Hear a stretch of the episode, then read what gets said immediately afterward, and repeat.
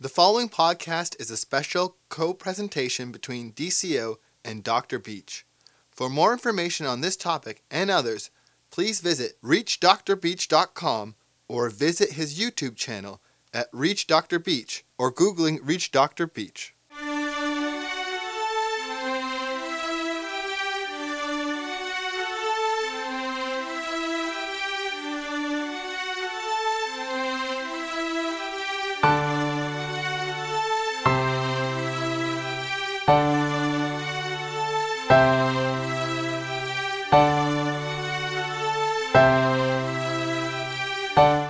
Hi, this is Dr. Beach. Welcome to part 5 of the Stalkers series. In part 4, I covered a case example of the incompetent stalker, whose primary motivation is a sense of entitlement to the relationship. In part 5, I will be covering the resentful stalker. In 2011, Kathy Rowe placed a bid on a home in the prestigious Carmel Valley neighborhood of San Diego. It was a home she always wanted to own.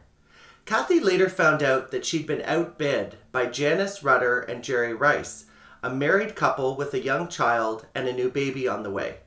The couple called the house their dream home, and they had used their life savings to purchase it. On the other hand, Kathy was devastated, and in her words, she was heartbroken. Soon after Janice and Jerry moved into their dream home, strange things began happening. They learned that their house was listed for sale and interested buyers started showing up in their yard.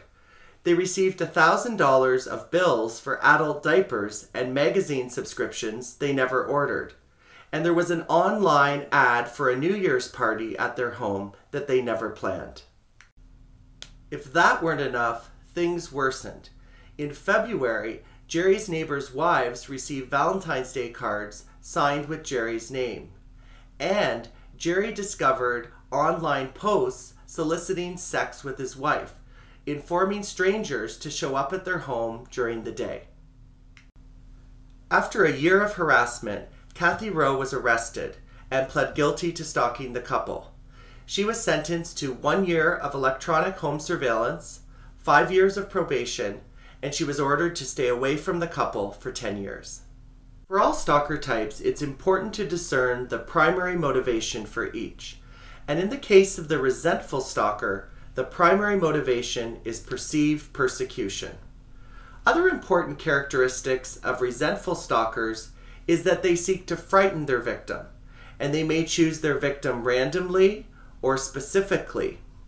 And while the rate of threats is the highest in the resentful stalker group among all five stalker types, Fortunately, the actual risk of assault is one of the lowest. One of the biggest challenges with resentful stalkers is that they're the most difficult to treat. And that's because they have poor insight and they have a false and distorted perception of being persecuted.